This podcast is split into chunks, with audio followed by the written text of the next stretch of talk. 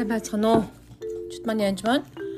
За тэгэхээр одоо би та нарт ярих байгаа зүйл дээр бас анхааралтай сайн сонсорож үзмээр байна. Ягаад гэвэл анх эзэн надад ингээд тахлын ширийн тухай ойлголтуудыг хэлж өгөхөд би ер нь эсвүүдчихсэн. Энд чинь хуучин гэрээнд л болдог зүйл шинэ гэрээнд байх ёсгүй. Та одоо юу ярина вэ ч гэдэм үү? Би одоо бурхнаас биш өөр газраас руу сонсоод байна уу ч гэдэм үү? Янз янзын бодож байсан ба. Тэгэхээр би үйлчлэл бол 2007 онд анх эхэлсэн. Тэгээ 2007 онд анх үйлчлээ эхлээ. Тэгээд ер нь бол өргөл өндрөөс авдггүй угаасаа самартын сайн одоо үнэхээр сайн хуршиг үйлчлэл болохоор голцоо өөрөө туслаад хүмүүсээс нэг тусламж авдаггүй байсан. Гэхдээ үйлчлэлдээ бас үнэхээр бас санхүү мөнгө хаяа хэрэг болдог байсан л та. Аа тэгээд 12 жилд үнэхээр үйлчлэлдээ би янз бүрийн мөнгө авч байгаагүй нэг л удаа нэг хүмэгтэй хандив өгчээсэн байгаа. Чи зөндөө үйлчлж байгаа юм чинь би жамдаас туслая гэд. Тэгээд 12 жилд нэг л удаа шүү А тэгээд харин 13 дахь жил болоход 12 жил дуусахад эзэн надад за одоо чи бэлтгэж дуусж байна. Одоо чи ингээд яг одоо нийтэд гараад ч юм уу те ганц ганц хүнд үйлчлэх биш. Библийн хичээл бас бүхний үгийг томхиглож болно, зааж болно. А дээрээс нь бас би чам руу хүмүүсийг явуулах болно.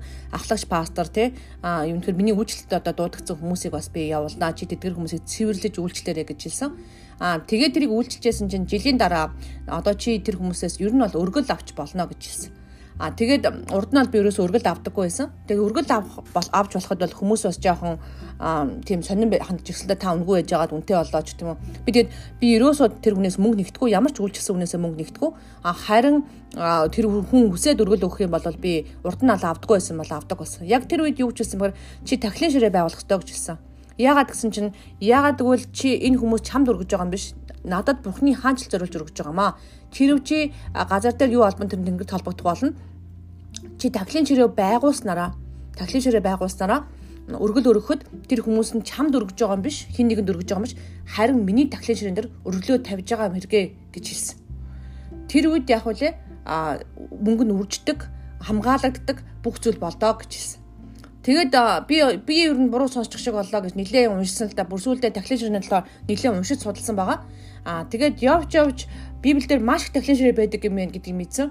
Аа тэр тахлын ширээ тэгээд яаж байгуулах ёстой вэ гэдээ бурхнаас ер нь заавар асуусан байгаа. Тэр хуучин гэрээ шиг одоо үгдгийн тахлын ширээнүүд байгуулах албатай биш мэдээж Тахлын ширээ гэхээр ерөн сүнслэг тахлын ширээ шүү. Ер нь бол а тэрнээс үүш нэг бодитоо хож Мосегийн үед ч юм уу одоо тийм утгатай биш. Яагад бол үнэхээр Есүс залмаа дээр цовдлогдож өөр ариун тахил болж өргөцсөн байгаа. Тэгэхээр тахлын ширээ бол илүү одоо тийм ямар цөмч болгонд ороход яадаг вүлээ аалтар дээр дууддаг шүү. Тахлын ширээ дээр гараад ир гэж хэлдэг байхгүй.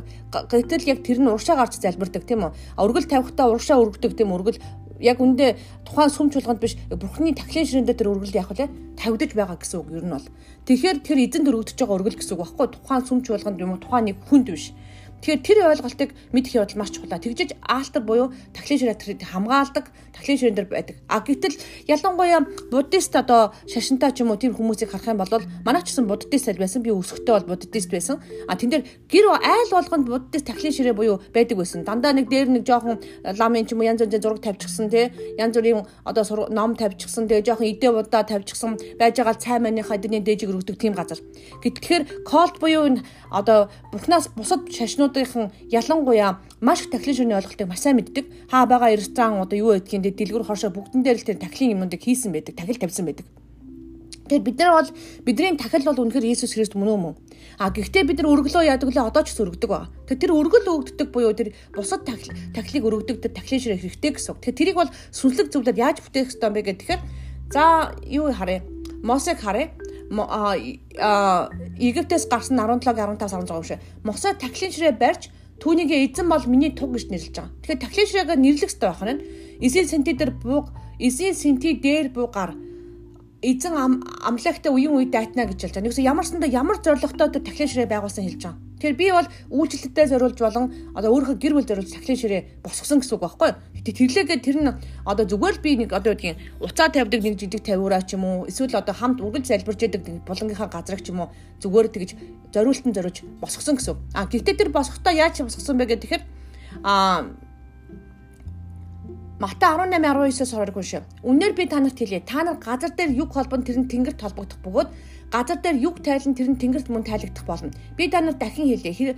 Хэрв та нар хоёр чинь ямар нэгэн зүйлийг буух талаар газар дээр санаа нийлбэл тэнгэр дэх миний эцэг үнийг чинь тэдний төлөө биелүүлэх болно. Учир нь 2 буюу 3 хүн миний нэрээр хаан цуглан тэнд би та нарын дунд байх болно гэж айлцсан. Тэгэхээр 2 буюу 3 санаа нэгдэж үнэхээр Есүстэй санаа нэгдэж би энэ одоо энэ тахлын шиг Есүс Христийн нэр дээр үнэхээр одоо тань зориулан босгож байна эзэн минь. Тэ? Тэгвэл энийг гэрүүлэр ч юм уу хамтдаа ижил найлуулах санаа нэгдэж хийх ёстой гэсэн. Эргэлзэх ч юм уу тэнгэлзэх хэрэггүй. Та эргэлз тэнгэлзээд энийг битгий хийгээрэй. Өөрөө сайн уншиж судлаараа. Би бол энийг маш олон цаг уншиж судалсан шүү. Би буруу юм сонсчоогүй маш их эргэлз тэнгэлцсэн. Гэтэ эзэн намайг энэ таглижрын тухай заа гэсэн учраас би өөрт ялцчихгүй зааж ин. Тэрээс би энийг заахгүй маш их нуусан ба. Ягаад гэвэл энэ хүмүүс намайг гажгээ бодчихно, буруугээ бодчихно. Би юу зааж байгааг аюул мэдэхгүй. Аа тэгээд одоо эвгүй байдалд орно гэх юм уу маш их тийм юм бодож исэн. Эзэн заа гэсэн учраас би цаг нь болоод хэлж гинэ л гэж би ойлгож байна. А тэгхийн бол цааш нь харах юм бол Египтээс гарсан 20 24 сарын цаг унши. Эзэн хэлж байгаа та та нар надад зориулсан шороогоор тахлын ширээ босгож дээр нь өөрсдийн шатаал дахиад эвийн тахлыг өөрсдийн хонь ба хөрөөдийг өргөө гэж. Тэгэхээр бид нар заавалчгүй одоо үгүй шатаал дахиад гим нэгүлийн ч юм уу дахиад өргөх шаардлага байхгүй байхгүй. Тэр бол шаардлагагүй. Тэгээ би өөрийн нэрээр сануулах газар бүгд та нар дээр очиж та нарыг өрөөнөө гэж хэлж байгаа.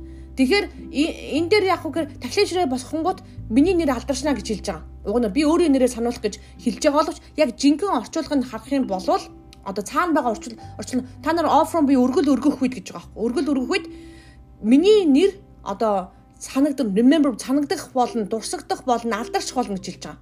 А дараа нь миний одоо юу гэдгийг та нар миний илчлэл буюу миний мөн чанар оршихуйг та нар мэдрэх болно гэж байгаа. А тэгээд дараа нь би та нарыг өрөөх болно гэж хэлж байгаа. Тэгээ гурван зүйл болдог байхгүй алтар байгуулах үед. Нэгдүгээрх нь яг эзэн өөрөө алдаршдаг байх нь эзэн мэддэг байх нь.